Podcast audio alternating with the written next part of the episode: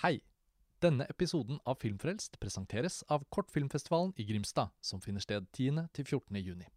Kortfilmfestivalen går digitalt i 2020. Hvor enn du er i landet, kan du i år være med på Kortfilmfestivalen fra din egen stue.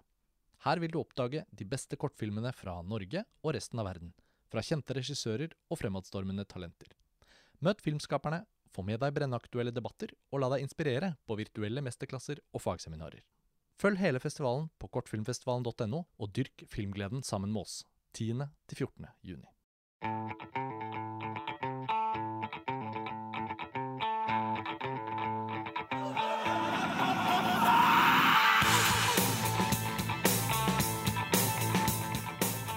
Hei og velkommen til en ny episode av Filmfrelst, podkasten fra filmtidsskriftet montasj.no. Mitt navn er Karsten Meinick, og vi er kommet til dag to av den alternative Cannes-festivalen. Og jeg sitter her sammen med Lars Ole Kristiansen. Hei, Lars Ole. Hei, Karsten. Og Roska Korizinski. Hei, Roska. Hallo. Og fjerdeperson i panelet som nå er med, Sveinung Vålingen. Hei, Sveinung. Hei, hei. Nå har jo vi andre laget en episode allerede dag én, og da fikk vi jo snakket om litt av det vi hadde sett på åpningsdagen. Eh, men Sveinung, du har jo ikke ennå vært med å snakke om ideen eh, om en alternativ Cannes-festival, og heller ikke noe om hva du har sett til nå. Så det vi har introdusert lytterne for, er at vi dag for dag skal rapportere her i podkasten om ting vi har sett, men at til forskjell fra ekte Cannes-festivaler, så skal vi ikke være så strenge på at hver episode skal bare handle om én film. Så vi kan la det flyte litt, og vi skal snakke om ganske mange forskjellige typer filmer i denne episoden. Men føler vi må starte med deg, Sveinung. Hva? Du holder jo til i Tromsø og er eh, nå i gang igjen som kinosjef på Verdensteatret, Cinemateket i Tromsø. Eh, dere har åpnet igjen etter koronakrisen. Eh, hvordan har din inngang vært til den alternative Cannes-festivalen, det å se film hjemme, og, og nå sakte, men sikkert åpne opp en kino igjen? Nei, noe av det positive med koronakrisen, hvis man kan si det, er jo at jeg i hvert fall har fått veldig mye mer tid til å se film. Jeg ser jo utrolig mye film til vanlig òg, men nå har det liksom vært mulig å, å planlegge litt mer. At OK, nå skal vi sette av tid til den regissøren eller de filmene som kanskje har støva ned i hylla i noen år. For det er liksom noe med hele settingen som bare har gjort at det ja, det oppmuntra litt til å se litt andre ting, kanskje. Og så er det jo det, ja, cinematekene har vært stengt. Så man har jo ikke kunnet gå på sitt lokale cinematek og se klassikere der. Så jeg syns jo det her var en kjempegod idé også, som, og så bra at den liksom kom på plass så raskt. Og jeg har, ja, det er litt sånn som under den vanlige Kantfestivalen, så var jeg veldig kjapt ute med å liksom saumfare programmet og sjekke ut hva jeg hadde lyst til å se. Det ble selvfølgelig en altfor lang liste, jeg kommer sikkert ikke gjennom alt. Men fordelen med festivaler er selvfølgelig også at man blir, blir tvunget litt til å ja, gå i kinosalene og liksom fokusere fullt og helt på festivalen. Så det er jo hjemme så er det jo distraksjoner. Nå er jo også Uh, mer tilbake i jobb enn jeg har vært på en stund. Men, men det er jo Ja. Det blir jo veldig festivalaktig når man har en sånn fantastisk liste å forholde seg til. Med så mye film man, hvor det er sånn Å, den her den har jeg jo nedprioritert i ti år. Nå er det kanskje på tide. ja, og Det har jo vært noe av gleden som vi allerede har snakket litt om, da, med å sette sammen programmet. Og nå er vi jo ikke bare liksom startet opp, nå har vi jo faktisk hatt to fulle festivaldager. da. Vi kan jo starte litt med noe du har sett, da, og så se hvem andre oss som har sett det. Og så Roska og Sole, så snakker vi oss liksom bare inn i det. Høres det ut som en plan? Ja. ja. Sveinung, er det noe av det du har sett til nå som du føler du bare kjapt vil nevne, som kanskje ikke har vært å snakke så lenge om? Eller så vil du ta liksom en av de større tingene først? Jeg kan jo begynne med en film som jeg vet du også har sett. Som jeg, uh, som jeg syns var veldig fascinerende. Som jeg har tenkt på en del ettertid, selv om jeg ikke er sikker på om jeg syns den var helt vellykket. Og det er 'Johanna' av Kornel Mondrusjko fra 2005. Den var representert i Satan Regar-programmet det året. Ja. Uh, og for de som kanskje ikke kjenner navnet hans, så uh, har han lagd White Dog. Den vant han faktisk en Satan Regar med. Eh, men 'Jupiters måne', som kom i 2017, den gikk jo faktisk på norsk kino. Så den er det sikkert en del av lytterne våre som har sett. Uh, og den syns jeg i hvert fall var uh, veldig god og original og, og ja, nærmest hypnotiserende. Um, Johanna er ikke helt der, men uh, den har likevel noen sånne elementer som, som jeg syns gjør den veldig interessant. Og jeg ser også at det, det er noen sånne løpende temaer, tydeligvis, gjennom Kornel Modruskos Eller hva han er opptatt av, da. Jeg kan kort si litt om handlingen. Det er ganske, på en måte er det en film som kanskje hadde gjort seg bedre som kortfilm, tenker jeg. fordi handlingen er utrolig kortfatta. Det er jo egentlig en musikal som alle replikkene synges. Og det foregår på et sykehus i Ungarn. Et dunkelt, eh, grønt eh, sykehus Uh, som nesten, Det virker nesten som det ligger under bakken. Filmen beveger seg stort sett gjennom gangene og rommene i det sykehuset. Så det er en ganske klaustrofobisk film. men i starten av filmen så er vi vitne til en bussulykke i Budapest. Og der er det en narkoman jente som heter Johanna, som, som er passasjer. Og hun blir lagt inn på sykehuset. Eh, og eh, ja, blir behandla der. Finner veien til eh, medisinskapene og tar en overdose. Men blir redda av en doktor da, på sykehuset. Og så skjer det noen slags ja, overnaturlige ting etterpå som gjør at hun får helbredende evner. Hun kan rett og slett helbrede andre pasienter på sykehuset ved å ha sex med dem. Filmen er jo delvis basert på, på historien om Jeanne d'Arc. Så er på en måte en, en Jeanne d'Arc som foregår på et sykehus i, i Ungarn. Du oppsummerer det jo ganske presist. Det var nesten litt sånn befriende å bare høre noen snakke seg gjennom hva som skjer i filmen, litt sånn tørt og konkret. Mm. For filmen er jo ikke sånn selv, i hvordan den forteller på en måte den lille historien som fins her. Eh, men du har rett, jeg har også sett denne. Jeg så denne i dag, på morgenvisning. Ja. og klokken ni i morges så satte jeg meg ned og, og, så den. Og da hadde jeg allerede registrert at du hadde sett den.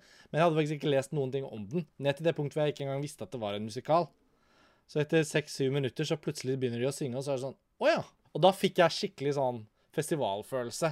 Uh, vi snakket om det litt på episoden i går, Lars Ole. Den, den, litt sånn kunstige følelsen av at dette er virkelig ikke det samme som å være i Cannes. Uh, vi sitter jo mm. bare hjemme og ser film alle sammen. Uh, I dag, da jeg så den Johanna av en regissør jeg virkelig føler at jeg har respekt for, selv om jeg ikke var så glad i den White Dog, så var jo Jupiters måne virkelig en sånn ekte stor, viktig oppdagelse av en autørstemme. Jeg må bare skyte inn her at uh, den heter jo White God. da. White Dog er jo den Samuel Fuller-filmen. Ja, det er morsomt. Men det er jo innmari mange hunder i White God. Ja. Og det er jo en herlig, um, en herlig forsnakkelse òg. Uh, eh, både en filmhistorisk uh, switch-off som ikke passer i det hele tatt, men som også passer litt fordi uh, den White God til Kornel Modrutsjko er jo da fylt til randen av hunder. Uh, ja, jeg tror aldri så, har sett så mange hunder i en film. Ja, det, det, ja. Selv, den valgte selvfølgelig Palm Dog det året. Um, den gjorde det. De måtte, det var mange som måtte dele på den prisen. Jeg husker vi så den filmen sammen, gjorde ikke det, Lars Ole? Jo, jeg husker en av de aller siste dagene i Cannes det Altså, jeg tror det var liksom kanskje den siste filmen vi så det året. Og det må også sies også, bare før jeg da deltar i samtale med deg, Sveinung, om det vi har sett, så må det også bare skytes inn om han Mondrusjko at um, han har jo virkelig liksom vært i Cannes med filmene sine hver gang.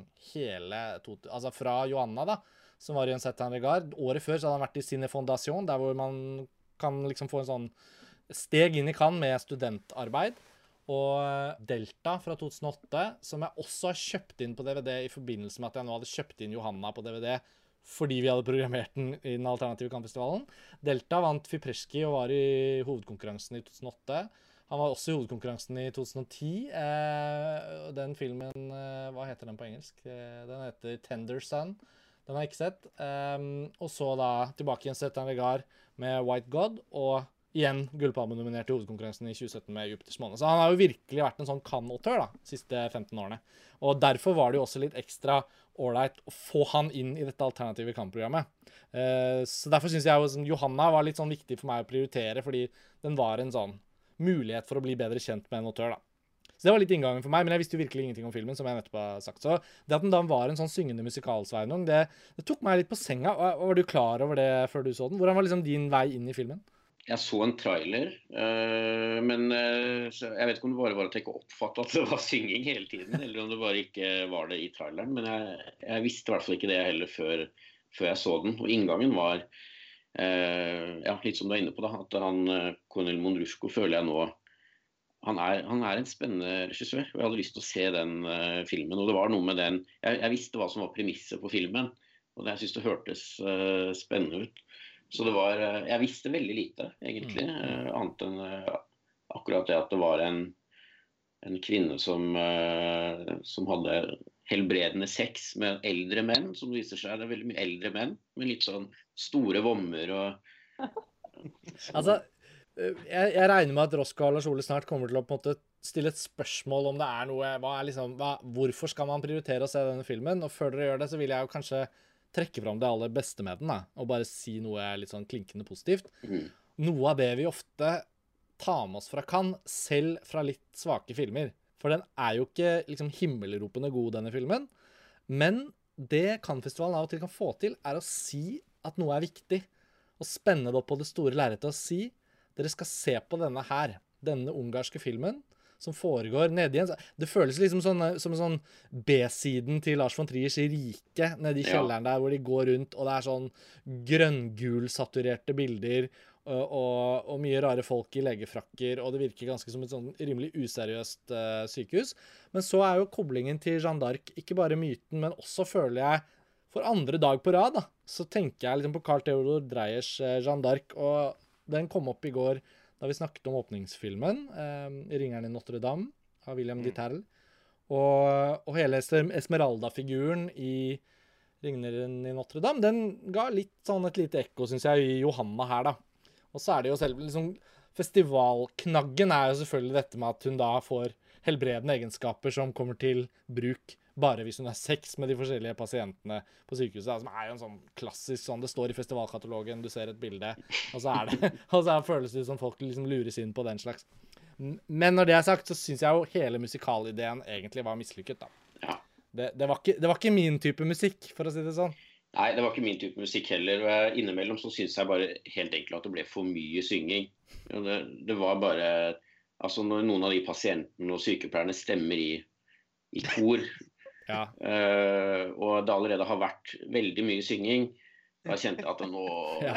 da, og ikke sant, da, hvis, man sitter, hvis man sitter i en sal i Cannes, så kan man ikke spole over det. Men her var det veldig fristende, da. Ja, jeg, gjorde, jeg, gjorde det ikke. Men jeg, jeg, jeg, jeg tenkte på en sånn podkastidé Lars Ole og jeg lollet med etter eh, Tom Hooper hadde laget Le Miserable. Så snakket vi om En film jeg aldri endte opp med å se, for øvrig. Men da snakket vi om uh, og, og, lage en hel episode av Filmfrelst hvor vi bare sang hele episoden. Mm. Og synge en kritikk. Ja, og, og, når vi da parodierte hvordan det ville høres ut Takk og lov er jo det ikke Fins det ikke noe opptak av det? Sånn var det i Johanna Lars Ole. Altså, det var sånn snakkende, syngende opera. Ja. På sitt aller verste i denne filmen så var det sånn Jeg kjente jeg ble sånn ordentlig flau. Men som en form for sånn insisterende visuell film, som Ondrusjko gjør egentlig hver gang, med bedre eller dårligere manus i, i bunn, da så er den jo veldig eh, markant som en del av hans uh, kunstnerskap. Så Sånn sett så føltes det litt sånn verdifullt og ålreit å ha plukket den. Og så varer den bare 79 minutter. Dette høres jo innenfor musikalkategorien mer ut som uh, uh, Bruno Dumonts Jeanette en Moulin Rouge. Ja, ja. og den Jeanette var jo også en Jeanne d'Arc-film, så der må det være noen inderlige paralleller. Ja, det er tydeligvis flere filmskapere som er eh, enormt opptatt av å, å lage musikal av den historien. Ja. Men, det var for eh, øvrig den mest usebare filmen jeg så uh, det året. Ja, det var, det var, en historisk walkout. Ja, da måtte vi gå. Men må, en ting som den filmen ikke hadde, som den filmen her har, som jeg syns er den helt åpenbart for meg mest uh, største kvaliteten, er jo fotoet. At det mm. er så Altså En ting er det nevnte grønnskjæret og den location-bruken med sykehus og sånt. og hvordan, hvordan, fotografene, for det er jo to fotografer her, hvordan de utnytter det. Men det er også det er liksom noe med altså den, den, dunkelheten der nede og eh, den inspirerte kamerabruken da, som, eh, som, er der innenfor de rammene eh, som filmen foregår, syns jeg var altså Jeg hadde satt enda mer pris på det hvis ikke det hadde vært den syngingen. da. Men en av de, Nå husker jeg ikke hva han andre fotografen heter, men en av de er jo Mathias Erdeli, ja. som fotograferte Miss Vala og sønn av Saul og Sunset av Laslo Nemes. Uh, og Det er jo litt interessant med både han og uh, han Mathias uh, Nei, Martin Rev. At det er liksom to sånne ungarske fotografer som er så ekstremt virtuose. Ja, han Martin Rev er jo helt ut... Altså, jeg har jo veldig Jeg har jo også kjøpt denne filmen her på DVD fordi jeg er innmari nysgjerrig på den. Og årsaken er jo at jeg syntes at Jupiter's Moon var en helt fantastisk film. og Marcel Rev har jo virkelig blitt Altså, jeg hadde ikke sett noe han hadde gjort før som Eller han har kanskje foto på den uh, White God også, det, det, husker jeg ikke. Men det å se Jupiters uh, Moon var jo å bli bevisst på han. Hvem i all verden er det som har fotografert dette? Og så fotograferte han da Euphoria i fjor sommer, og da var mm. det Ja. Og det, det, det, det, binder seg sammen, dette ungarske den, Han har hatt foto på White God, eh, Lars Ole, for øvrig. Ja. Men hans neste film som fotograf er da den nye filmen til Ildiko Injedi, av alle ting. Som Anders Basmo Christiansen egentlig skulle spille i, men som han mistet rollen i, eh, med Lea Seydoux, eh, som heter The Story of My Wife. Den kunne nok kanskje ha vært en av filmene som skulle bli vist i Cannes i år. For den ser ut til å være liksom ment å være ferdig omtrent nå. Og vi mm. snakket jo ikke så pent om My 20th Century i går, og det var jo for så vidt med rette. Men det er jo Jeg tenkte på det i dag, at oi, nå var det to ungarske filmer faktisk på rad. Um, og ehm, ja. Nei, jeg, jeg, jeg tenker at uh, Johanna var verdt å se. Og jeg tror også det er en sånn type film man ville dratt hjem fra Cannes med etter å ha sett mye annet dårlig og tenkt at jo, men den var jo ikke så verst, den. Og den kostet jo ikke så mange minutter. Um, så alt i alt så tenker jeg liksom at jeg jeg ville liksom heller sagt til en filminteressert person i hvert fall, at det er jo bedre å ha sett enn ikke å ha sett. Mm. Men vi får kanskje bevege oss videre til, eh, til noe annet. Eh, Lars Ole og Roskva, hvordan har deres eh, festivaldag nummer to vært? Nei, den har vært fin. Jeg har ikke fått sett Jeg hadde egentlig noen voldsomme ambisjoner. Jeg så for, for meg faktisk å kanskje se liksom fire filmer, men det rakk jeg ikke. Men jeg så to, og en av dem var veldig, veldig, veldig god. Og det har på en måte, det gjorde litt festivaldagen for meg. Altså, det var ikke som vi snakket om i går med Lars Oles berømte kronhjort. Det var ikke kronhjorten, men den Nei. var så god at jeg måtte liksom google hvem som vant Gullpalmen det året, for det var ikke denne filmen. Oi. Men det var det Taxi Driver som gjorde, og da var det på en måte, ok, da var det forståelig at denne fikk Grand Prix. Uh, men det var virkelig en veldig god film, og det var den som heter 'Ravnene'. Cria Cuervos av Carlos Saura.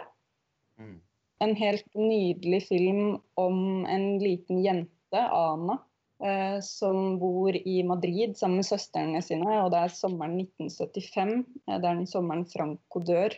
Mm. Og så er det bare et sånt åh, Jeg blir rørt bare jeg tenker på den filmen. Den er uh, ufattelig trist. Det er liksom en barndomsskildring om en jente som har en barndom som ikke nødvendigvis, altså Den er dramatisk, hun mister begge foreldrene sine, og sånn, men det er ikke nødvendigvis det filmen handler om. Den handler mer om en sånn melankoli ved å være et barn som på en måte ikke eh, klarer å gjøre seg forstått. da. Mm. Eh, og som blir på en måte veldig hard av det. Nei, og Den er flott fotografert og helt nydelig spilt av hun um, hovedrolleinnehaveren som heter Ana Torrent. Uh, som også har spilt hovedrollen i den 'The Spirit of the Beehive', som jeg ikke har sett, men som jeg har veldig lyst til å se. Mm. Ja, den er også utrolig bra. Og hun har jo et så Det er litt av et ansikt. Ja, eh, det husker jeg. Det er jo eh, så gripende i seg selv, og så spiller hun også veldig, veldig godt. Så det er et tips til alle som ikke har fått sett den ennå, at den må ses. Så gøy. Jeg har bare sett én film av Carlos Saura fra før av, den som heter Carmen. Og den likte jeg veldig godt, men det er mange år siden, og den Ravnene har stått på hylla i mange år. Ja, den steg jo nå veldig høyt i bunken etter din uh, hyllest. Vi var vel enige, Lars Ole, om at uh, den var en av de første vi nesten plasserte inn på festivalen litt fordi den er såpass anerkjent, og vi begge har vært klar over det og hatt den på hylla og ikke sett den. Så um, det var jo kjempeherlig at den bussen kom fra deg med en gang, Roskva. Mm. Jeg har hatt en sånn Jeg føler at det har vært en sånn liten serie av sånne virkelig kjente spanske filmer av spanske filmskapere som på en måte ikke har vært like populære å oppsøke som Pedro Almodovar, da, eller et eller annet sånt. Og den El Sur til Victor Erice og Cria Cuervos av Carlos Saura, og så den Spirit of the Beehive. Altså, det er en sånn derre jeg forbinder de filmene med hverandre på en eller annen måte. Og mm. det er faktisk bare El Sur av de som jeg har sett, da. Nå gleder jeg meg veldig til å se Cria Cuervos. Men Roskva, er det bare før vi liksom Siden du er den som har sett filmen, da, i tillegg til den melankolien i tematikken og hovedpersonen hovedperson sånn som du beskriver, hvordan, hvordan liksom føles filmen? Er den, er den liksom stillfaren og visuell? Den, har den en veldig sånn klart narrativ? Uh, den har et temmelig klart narrativ. Altså, den er, den er på mange måter ganske sånn tradisjonelt fortalt, men samtidig så er den så uh, gjennomført, vellagd. Det er sånn du kjenner i løpet av de første sekundene så visste jeg at dette var en god film. Uh, først åpningsscenen hvor hun kommer gående ned trappen i et sånt mørklagt hus. Uh, og så er det bare sånn noe med atmosfæren i bildene og i, i, spillet og i måten scenen er klippet på som bare gjør at man tenker sånn Her, her er det noe. Uh, den er ganske sånn Altså, fotoet er veldig pent, men det gjør ikke så mye ut av seg. Men det er bare sånn kjempesolid. Uh, så, men så er fortellingen er ukonvensjonell på den måten at denne jenta hele tiden glir mellom fantasi og virkelighet. Altså, moren hennes uh, er som sagt død. hun hadde et veldig nært forhold til moren sin. Og helt fra begynnelsen av så snakker hun med henne eller liksom ser henne i huset eh, som om hun var eh, levende fremdeles. Og han klarer på et eller annet vis og De overgangene mellom liksom virkelighet og fantasi, de er helt sånn sømløse. Eh, han gjør ikke noe for å illustrere hva som er hva. Det er liksom, vi må, vi må bli med, og så må vi forstå det underveis. Eh, på en veldig sånn organisk måte. Så han, han, bruker ikke noen grep for å på en måte skille de verdenene fra hverandre. Og det er kanskje noe av det som gjør den stemningen i filmen så intens. da. At vi er så på innsiden av hennes eh, verden, som på en måte er en verden midt mellom et her og, og nå, og et da. Eh, og en framtid som vi skjønner på en måte at eh, at uh, selvfølgelig hun har sin framtid, men også Spanias framtid. Det er en brytningstid. Uh, så alt det er fletta veldig sånn sømløst inn i hverandre i formspråket. Så uh, veldig fint. Det høres veldig spennende ut. Jeg gleder meg enormt til å se denne. Lars Ole, har du, har du hatt en bra filmdag? Ja. Jeg endte jo opp med Fordi at vi, vi snakket jo om tegnestykket Kinogassa i, i går. I forbindelse med at vi så Gate of Hell. Og så snakket jeg om denne stumfilmen av Page of Madness, som jeg hadde sett noen scener fra. Og så fant jeg ut av, da, etter vår prat i går, at den jo fantes i god kvalitet på YouTube. Og så, så, jeg måtte bare også rett og slett da skulke kan litt og prioritere å se den. Og den var helt fantastisk. Så det er ikke noe jeg angrer på. Men jeg har jo da også sett eh, to eh, filmer fra programmet. Eh, og det er Tony Scotts debutfilm, som jeg vet at du også har sett. 'Loving Memory'. Ja. 'Loving Memory', som vises i Kritikeruken. Nettopp. Og så har jeg sett orkesterprøven av den store Fellini. Ja.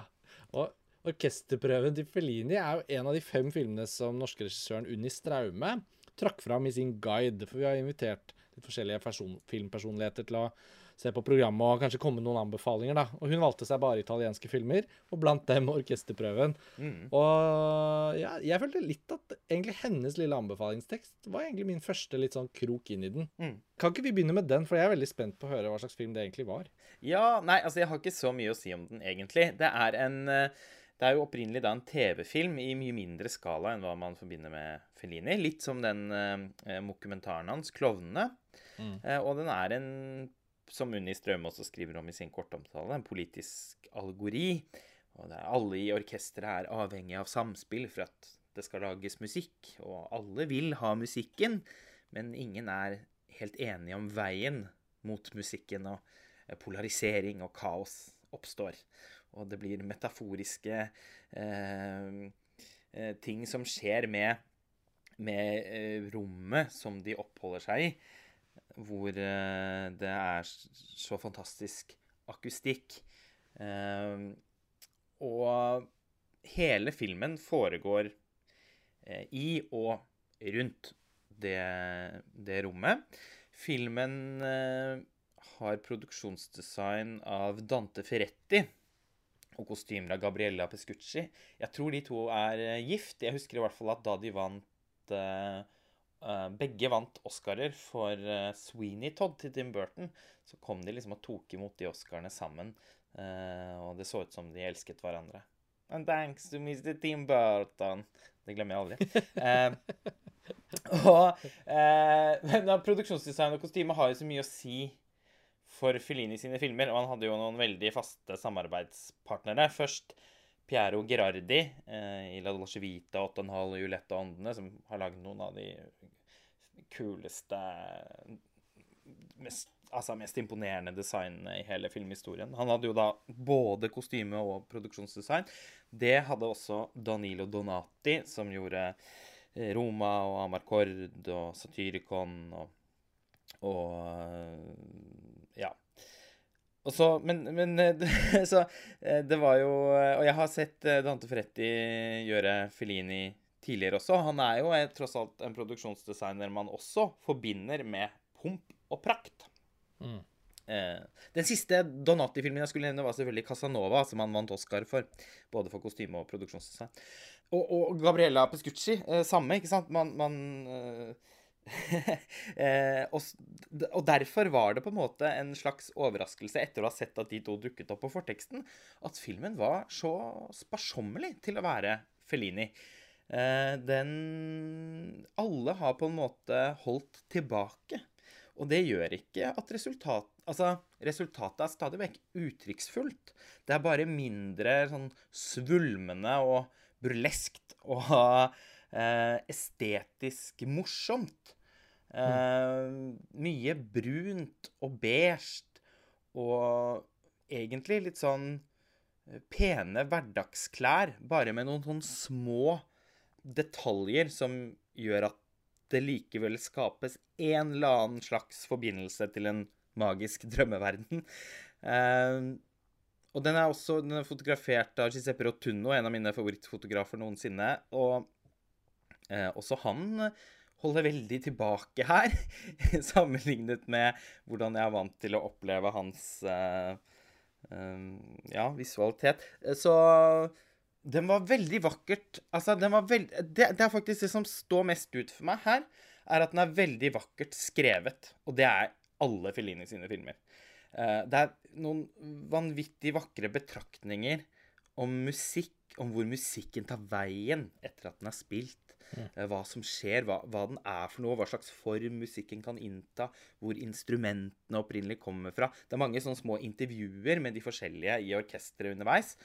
Uh, og den varer jo bare da i 70 minutter. Og de 70 minuttene gikk innmari fort. Det gikk også så fort at jeg ble sittende og uh, sitte igjen med en følelse at jeg ville ha mer.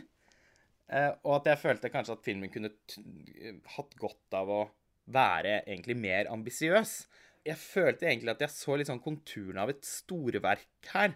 Eh, og det var det ikke, men, men veldig bra, da. Sveinung, har du noe forhold til orkesterprøven? Eh, har du sett den før? Nei, det har jeg ikke. Nei. Dette er jo en gyllen anledning da, til å fylle det Filini-hullet. Ja. Det vil jeg koste på meg. Det er en, helt klart en anbefaling. Det er en film man tenker på eh, etter å ha sett den. Og så er det musikk av Nino Rota, da. Det var siste Det var Fellini og Nino Rotas siste samarbeid. Og Nino Rota komponerte musikken til alle Fellinis filmer, eh, til og med den. Det var bare fordi han døde at det samarbeidet opphørte. Og, og det er jo innmari herlig musikk, da, som de framfører. Så det er jo naturligvis også en, en attraksjon ved filmen. Jeg syns ikke du Ja, nei, jeg har like lyst til å se den fortsatt, kjenner jeg. Um, men litt sånn interessant også at uh, en filmskaper som Fellini også kan ha et sånt verk i filmografien som, som tar noen steg vekk fra det vi aller mest gjenkjennelige, kanskje. Men samtidig ja. høres det ut som den virkelig er en Fellini-film, med alle disse samarbeidspartnerne og det hele. Ja, det, det, var det helt klart. Men den var litt streng, på en måte. Kanskje, kanskje greit da etter, etter Casanova og sånn, hvor det kanskje blir litt i overkant eh, sprudlende. Roskva og Sveinung, dere har sett denne Susan Sontag-filmen. 'Duett for kannibaler'. Den er jeg veldig interessert i å høre noe om. Fordi hun laget jo da eh, to eh, spillefilmer i Sverige på 60-tallet. Mm. Og det er denne her, og så er det en som heter Brøder Carl, som nylig har blitt gitt ut på DVD i Sverige, og som eh, skal ankomme min postkasse i nærmeste framtid. Ja, altså for min del vil jeg si at uh, det var ikke det helt store. Uh, det var interessant å se, uh, men jeg fikk en eller annen sånn følelse av at det var en slags parodi på en film fra 60-tallet. Altså en parodi på Persona eller på, på noe Antonioni. Eller, altså det, var sånn, det var veldig mange av de elementene som var til stede. Men det var så tydelig at det var en person som ville lage en sånn film.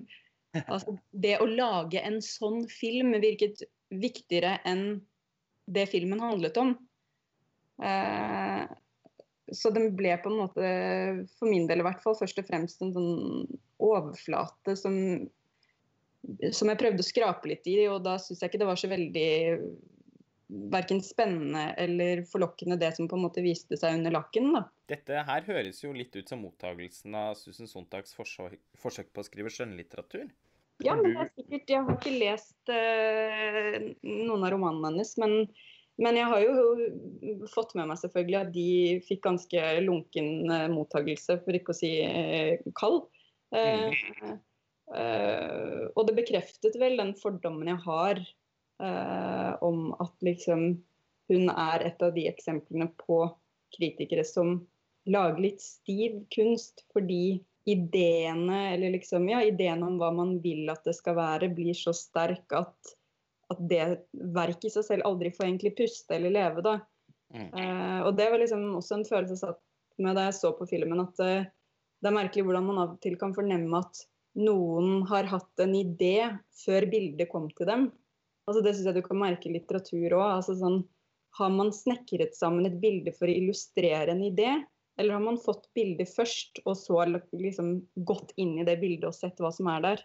Dette er Altså, dette er jo en filosofisk diskusjon eh, som er veldig framtredende i en helt utrolig film som heter 'Tegnerens kontrakt' av Peter Greenaway, som jeg nylig hadde et eh, fantastisk gjensyn med, og som du også så, eh, Karsten. Ja, akkurat sett den. Altså, denne diskusjonen blir veldig sånn brukt eh, mot eh, hovedkarakteren, som da er eh, en tegner som skal, som skal lage noen tegninger av et, et praktfullt gods. Eh, der den ene av de andre karakterene eh, starter en diskusjon rundt at en som er så opptatt av ideen om hva som skal være på eh, En som har en intellektuell tilnærming og veldig tydelige ideer om hva bildet skal romme, vil aldri kunne klare å lage et, et, virkelig, et bilde som faktisk gjør inntrykk. Mm. Ja, og du kan si Det er jo en veldig sånn romantisk, selvfølgelig et romantisk kunstideal, eller et romantisk kunstsyn. Og, og man, jeg tror man kan gå for langt i den romantikken. For det finnes jo eksempler på kunstverk som er skapt av altså, svært intellektuelt kapable personer, som selvfølgelig har hatt intensjoner og ønsker med det de har lagd, men det er noe med liksom Kommer den viljen da fra ideene fra det du har lest, fra det du har sett, eller kommer det fra et eller annet, annet sted? Og der er jeg nok romantisk og, og tror at liksom det må komme fra noe Altså ikke nødvendigvis personlig erfart, eller Men, men det må brenne, da. Eh, og ikke bare liksom i notatblokka, men et eller annet emosjonelt sted eller eh, åndelig sted, eller kall det hva du vil. Eh, og det opplevde jeg at på en måte det ble veldig tydelig at denne filmen på en måte ikke kom fra det stedet. da. Den var lagd av en fan eller av, og, av en eh, eh, beundrer av andres kunst. Det ble veldig tydelig, og ikke en beundrer eller en fan av på en måte eh, Ikke en som var reelt nysgjerrig, føltes det som, på hva filmen dreide seg om, da. Og morsomt nok er Peter Greenaway da faktisk et eksempel på, på en måte eh, en som likevel lykkes, på tross av at han har en ekst, ekstremt sånn akademisk tilnærming til det å skulle lage film. Og når man ser på de restaurerte Blu-rayene, så har han sånne introduksjoner hvor han liksom This film has three meanings. Og liksom Oi. det bare virker jo liksom sånn overplanlagt og overtenkt alt sammen. Og det er det òg, men, men, på en måte som er et uttrykk for en galskap. Ja. ja, men jeg tror det er akkurat det. Det er litt på samme måte som man, liker, man tenker liksom på vitenskapsfolk som er veldig tørre. Eh, men ofte så er det jo liksom Hvis du går langt nok inn i noe, så begynner det å nærme seg eh, ja, som du sier, en overskridelse eller en galskap. Og det er vel kanskje den overskridelsen Den kan jo foregå i alle på en måte miljøer eller innenfor alle kontekster, men det må liksom Den må skje, da. Det der virkelig eh, risikable eller liksom velte seg selv ut i noe eh, litt uforutsigbart. og, og det kan man jo si at Susan Sontag på mange måter gjorde i sitt liv og virke, men kanskje ikke som kunstner, da. Jeg er, litt, eh, jeg er både enig og uenig egentlig det du sier, Roskva. Fordi jeg hadde kanskje forventa at filmen skulle være enda mer uh, tung i sin referansebruk. I hvert fall etter de første minuttene. Mm. Uh, men det er jo også en veldig vag film, som har en distanse til både måte, seg selv og, og seeren. Um, så det er helt åpenbart at, uh, at Sontag har liksom hun har sett de og de filmene. Person jeg har ikke lest så mye, rukket å lese så mye om filmen ennå. Det er skrevet uh, spennende ting om den. Men jeg vet at uh, Persona var en direkte inspirasjonskilde for, for filmen. Mm. Um, og ellers så syns jeg den minner den, den, har også noe sånn kafkaesk over seg. At det er Eh, noe mystisk og, og, rart som foregår. Det er jo uh, Jøsta Ekman som spiller en uh, person som Det syns jeg var en morsom uh, start. Han, han, blir ansatt hos en uh, mann og skal rett og slett rydde i papirene hans. Det er i hvert fall sånn jeg opplevde det. Som, Gösta Ekman er jo så altså Bare det at Susan Sontag har lagd en film i Sverige ja, jo, med Gösta Ekman det går jo ikke an. er jo utrolig. og helt, Det er nok til å se filmen, selvfølgelig. Han er jo sånn at han, jeg begynner å le bare jeg ser han. Ja. Uh, han er ikke så uh, karikert og morsom i den filmen her, men, men det er likevel noe med han ja, som gjør at det blir litt humoristisk likevel. Og når han kommer inn på dette kontoret og uh, skal rydde i disse papirene og det er bare endeløst med papirer. Han får ikke lov til å røyke der inne, for da kan uh, papirene gå, gå, opp i flammer. Uh, og så er det litt uklart for han også hva som egentlig er arbeidsoppgaven her. Og Gjennom hele filmen så er han del av uh, et slags sånn spill mellom denne Bauer, heter han vel. denne litt paranoide ja, forretningsmann eller hva det er. Jeg husker ikke helt. Politiker. Han er jo en sånn ja, ja. Altså, kommunistpolitiker. Stemmer. Eh, det er det, ja. Eh, så han og hans kone driver liksom et slags sånn nesten sadomasochistisk spill med denne Jøste Ekman-karakteren. da. Ja, men jeg er enig det ikke er nødvendigvis referansetungt. Det er ikke intellektuelt på den måten, det er jeg helt enig i. Men, men, nettopp det du sier, at det er litt mystisk på en ullen måte. Og det er litt det som kanskje gir meg den feelingen av at hun har vært mer opptatt av eh, etteraping av en eller annen form da, som er tilbakeholden og som ikke gir så mye mm. informasjon, men så får du ikke egentlig en følelse av at hun selv heller befinner seg i det mysteriet. da. Eh, sånn sett så blir det noe poserende ved det. fordi hvorfor skal man framstille noe mystisk hvis man ikke selv er oppslukt av det mysteriet? Eh, det blir en påstand om liksom, nysgjerrighet mer enn at det er en reell nysgjerrighet der. da. Ja, jeg er veldig enig i det. Og de gangene hvor, eh, hvor det gjøres noen filmiske grep som er veldig tydelige, så uh, syns jeg også at det minner veldig om andre filmer som kom i samme periode. Jeg tenkte særlig på musikkbruken. Det er noen sånne korte, melankolske snutter som dukker opp av og til, og liksom forsvinner igjen like brått. Og det minner jo veldig om musikkbruken hos eh, Godard f.eks. på 60-tallet. Hvor, man, hvor det på en måte seeren skal få noen slags eh, eh, ja, forvirrende følelser. At noe både er bare veldig merkelig og inneholder en slags sånn emosjonell resonans samtidig. Nei, så det var ikke Det er litt sånn et dokument å se. Mm, ja, absolutt. Altså, det, er ikke, det er jo ikke kjedelig, og, og det finnes scener der som Jeg syns faktisk på det tidspunktet Ja, vi skal kanskje ikke spoile, eh, men et godt stykke inn i filmen eh, så blir stemningen betraktelig lysere og lettere. Og da syns jeg også filmen ble mye mer, føltes mye mer organisk. Den kledde på en måte å ha litt mer varme.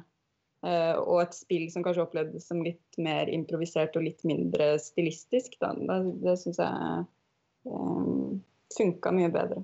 Mm. Også i dette tilfellet så kjenner jeg at det å høre dere snakke om filmen, på tross av at dere har en del innsigelser, så jeg blir mer nysgjerrig. Eh, det tror jeg handler om at hvis det fins en vilje eller et slags ønske om å ta opp noen ting og diskutere noe, og prøve i det minste å sette ting opp i en eller annen sammenheng som kan være intellektuelt interessant å forholde seg til, så er jo det en film som kan by opp til en form for i hvert fall tankelek, da, i større grad enn filmer som ikke engang prøver på det.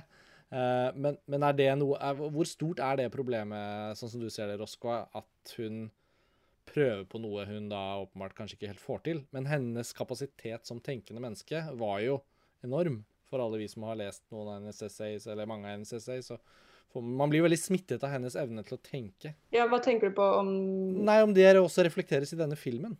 Nei, ja, nei Ikke helt. Eller altså sånn Selv om den ikke er vellykket som film. Men det høres kanskje ikke ut som det, det er tilfellet. Det det, det, er, det er egentlig et godt spørsmål, fordi det fører meg til et, en annen innvending mot filmen, og det er nettopp det at den også føles som litt sånn demonstrerende sanselig, eller fordi den, den handler om erotikk og makt. Eh, det er vel det den handler om, på en måte.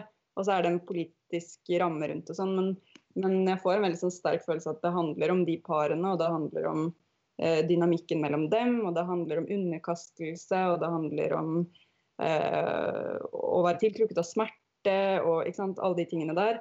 Så sånn sett så er det en, en film som handler om sånn sanselighet, og den handler om ja, den handler om makt, men i på en måte liksom kroppslige, nære forhold. Da. Du kan si Sier den så veldig mye spennende om det? Nei.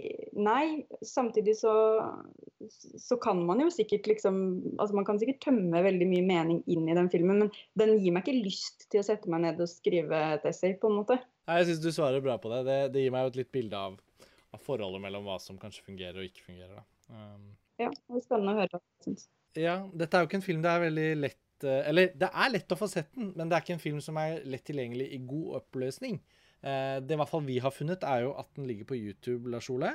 Mm. Um, har du noe kjennskap til om den er utgitt i noe mer eh, eh, Nei, altså det er denne Brødre Carl som er nå Ja. relativt nylig gitt ut på DVD i Sverige. Det vil jo være merkelig om de ikke gir ut denne også, tenker jeg.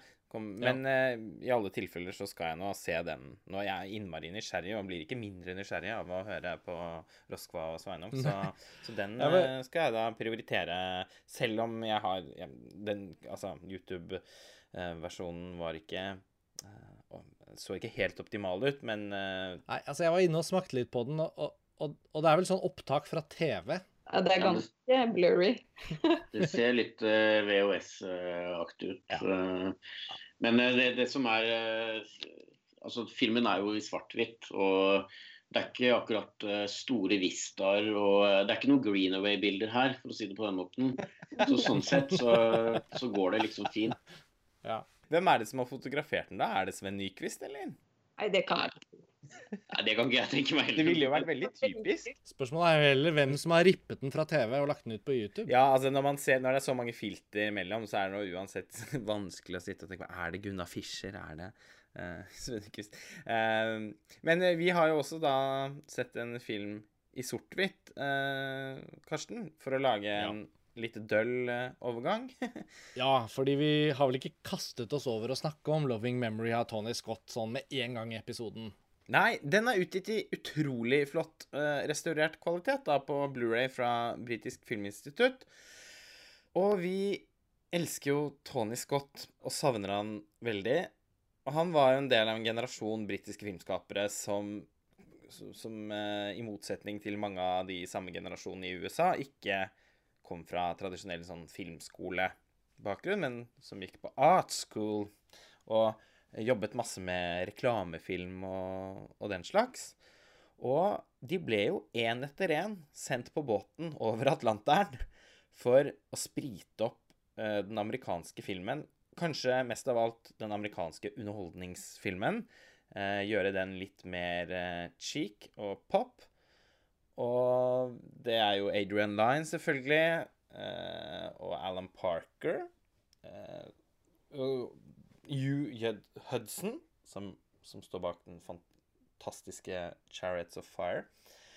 Og brødrene Scott, da. Ja. Det er veldig fascinerende at denne filmen her er fra 1971.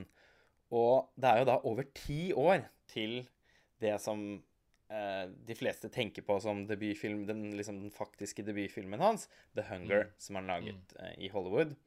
Og i, i årene imellom så laget han jo da så å si bare reklamefilm. eh, Noen sånne TV-ting òg, vet jeg. Men eh, det er altså utrolig fascinerende å bare se reisen fra, fra Loving Memory til eh, The Hunger og Top Gun.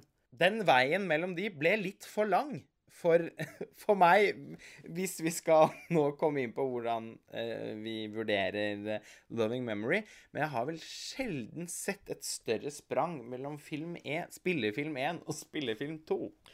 Ja, og det er jo Man må bruke litt humor her, føler jeg. Jeg, jeg har satt opp et lite bilde i dag, og det er sånn Hvis denne festivalen var en ekte festival, og vi så denne filmen i Kritikeruken, hvor vi har plassert den Der hadde den sin premiere. Det er jo seksjonen hvor eh, første- og andregangsfilmer vises.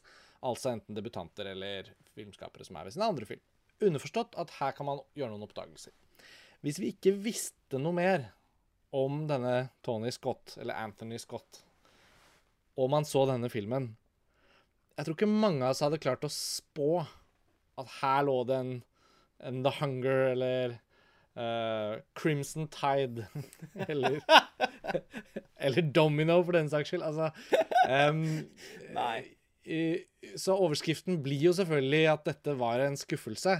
Men, san, men sannheten i bunn er jo at hva var det vi trodde? Eller når dette var filmen hele tiden. Du, det er dette som har vært filmen. Det er den som har ligget der og ventet på oss. Så det var jo aldri kanskje meningen, da. Når Jerry Bruckheimer eh, snuste på eh, Tony Scott og hva man kunne bruke han til, så var det nok ikke denne filmen han hadde som utgangspunkt. Det var nok mange av de reklamefilmene han lagde etterpå. Antageligvis. Men når, når det er sagt, Lars Ole, vi må jo snakke om den for det den er, da. Ja, ja. Altså, dette er jo egentlig for meg litt sånn kortfilm av verste sort. Og så har den blitt strukket ut til å bli en novellefilm. Den er 51 minutter. Og, og lang novellefilm. Ja. Eh, men det er sånn påfunn. Eh, en gammel dame og hennes mann kjører på en syklist, en ung syklist, og istedenfor å gå til politiet, tar de med seg eh, liket hjem, og eh, fordi de bærer på en sorg over eh, en, en, en, en savnet sønn, så får liksom da denne døde kroppen overta rollen som som sønn Altså, da, allerede der var jeg ferdig med filmen. Men eh, så var det en sånn dårlig eh, variant av Variasjon over liksom en Roald Dahl-novelle. Og det ble ikke liksom morbid på en morsom måte.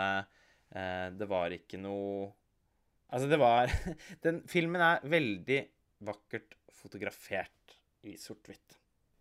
Mm. Det var det. Eh, der kan man jo se et, et eh, åpenbart liksom talent. Uh, ja, Chris Menges som hadde fotoet, tror jeg. Men jeg, jeg, jeg, altså, jeg har ikke noe mer å komme med. Nei, altså, jeg har ikke så mye mer å komme med. Hvis jeg skulle tilføye noe, så Jeg opplevde det som at dette paret på en måte også viste seg å være bror og søster. Eller var det bare noe jeg Altså, det var et eller annet i filmen som indikerte det. Jeg satt i hvert fall igjen med den følelsen.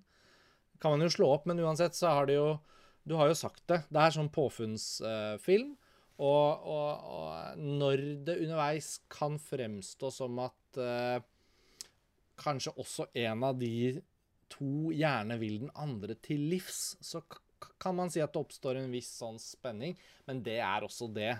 Og, og, og det var veldig antiklimaktisk slutt. Og hvis jeg skal spole tilbake og tenke gjennom filmen, så må det jo være egentlig åpningssekvensen, da. Mm. Når denne motor syklende mannen, unge mannen og, Ja, det var flott. og bilen kolliderer, hele, hvordan det bygges opp og spenningen i bildene. Da kjenner jeg at her er det jo faktisk en regissør som kan noe med action.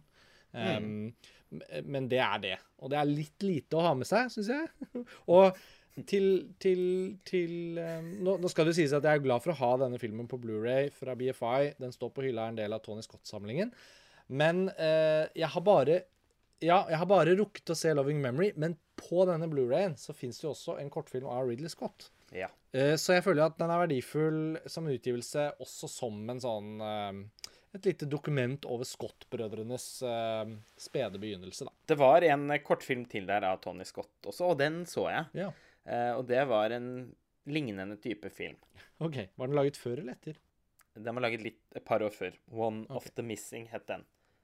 Eh, jeg kom på en morsom ting til slutt her som jeg bare som slo meg underveis. Vi hadde jo denne praten om, om Kornel Mondrusjko og fotografene og sånn i stad. Og, og jeg husker så godt at det da egentlig var Jakob Ire som skulle fotografere Kornel Mondrusjkos neste film. Og så vet vi jo alle at, at, eh, han, at Mondrusjkos fotograf, Marcel Rev, fotograferte Euphoria for eh, Sam Levinson. Og nå viser det seg da at den Pieces of Woman, som Mondrusjkos neste engelskspråklige film heter, den er da produsert av Sam Levinson. Og det er nå ikke Jakob Ire som skal fotografere den lenger, men det er heller ikke Marcel Rev, selv om han da nettopp har jobbet med produsent Sam Levinson. Det er Benjamin Loeb, Nei. som også er norsk. Altså nå er riktignok Jakob Ire svensk, men har jo jobbet mest i Norge.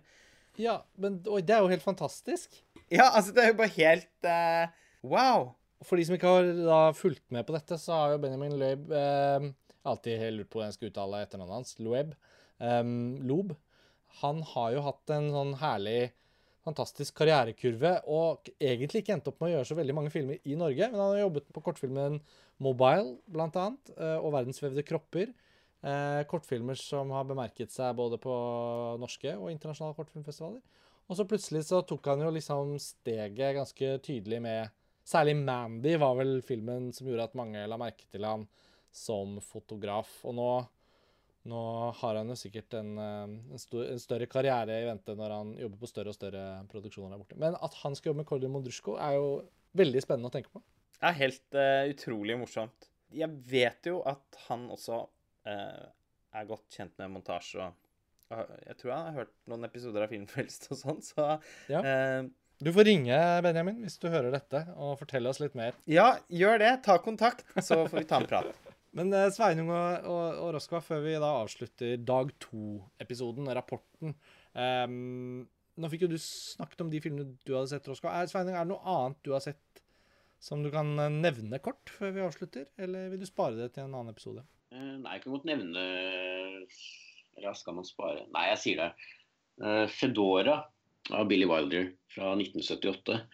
Så det var en sen film uh, han lagde. Han lagde jo én film til etter den, men, etter den her. Men uh, det føles på mange måter som en slags uh, svanesang for Billy Wilder. Og det er en film som det er veldig naturlig å, å lese opp mot Sunset Boulevard. det handler veldig mye om Altså det handler om en skuespiller her også. En skuespillerinne som er desillusjonert. og som ikke takler å bli gammel. Uh, og eh, hun blir på en måte en slags metafor for hele eh, det gamle Hollywood, eh, tenker jeg i hvert fall, som Billy Wilder kjente. Og den er, den er litt sånn bittersøt. Mye humor knytta til kjente navn som blir nevnt. Og hovedpersonen forelsker seg i Michael York, som var en virkelig skuespiller. Det er på en måte en, en utrolig sånn treffende og, og original skildring av det kyniske og selvopptatte Hollywood med skuespillere og produsenter, som likevel eh, romantiseres veldig da, gjennom Billy Wilders litt nostalgiske tilbakeblikk og behandles med kjærlighet. Um, men uh, ja, jeg skal ikke si så mye om handlingen, tror jeg, fordi det er uh, noen twist, uh, twists and turns i filmen. Ja. men jeg må si, nei, jeg syns det var en ganske gripende film, og den er utrolig uh, flott og liksom stilig regissert. Med noen kjempeflotte locations, bl.a. i Hellas, med dette herskapshuset som denne skuespillerinnen bor i. Um, så det er en soleklar anbefaling fra meg, i hvert fall. Fedora. Ja, den gleder meg, gleder meg veldig til å se. Samme her. Billy Wilder er jo selvfølgelig da en såpass stor regissør at jeg tenker at alt han har signert, uh, er jo på sett og vis verdt å se. Uh, og han er jo en så fantastisk formidler også. Uh, å se han snakke om film og filmene han har laget og sånn. Han har jo vært, gjort mye intervjuer opp gjennom årene, og mye av det har jo dukket opp i disse forskjellige utgivelsene av hans filmer på Blu-ray og sånn. Så DVD og Blu-ray. Ja, han har, skrevet, har laget en sånn intervjubok med Cameron Crowe, som er veldig anbefalesverdig. Men så bra. Sveinung, godt å ha deg om bord eh, på eh, festivalpodkasten her. Og synd vi selvfølgelig ikke da sitter rundt det uh, forjettede bordet i Cannes, men det føles fint, syns jeg, å være eh, mer enn bare én dag i gang. Nå, nå har liksom julen begynt å rulle. Lars Ole, det er ikke bare liksom nedslående filmopplevelser i vente. Roscoa, herregud, Kria Cuervos, nå kjenner jeg at den den rykker jo veldig høyt opp i køen. Ja. Så kanskje vi kommer tilbake til den på en senere episode òg, når flere av oss har sett den. Mm. Men ja, vi får bare kanskje ønske hverandre en, en god filmdag nummer tre da, i morgen.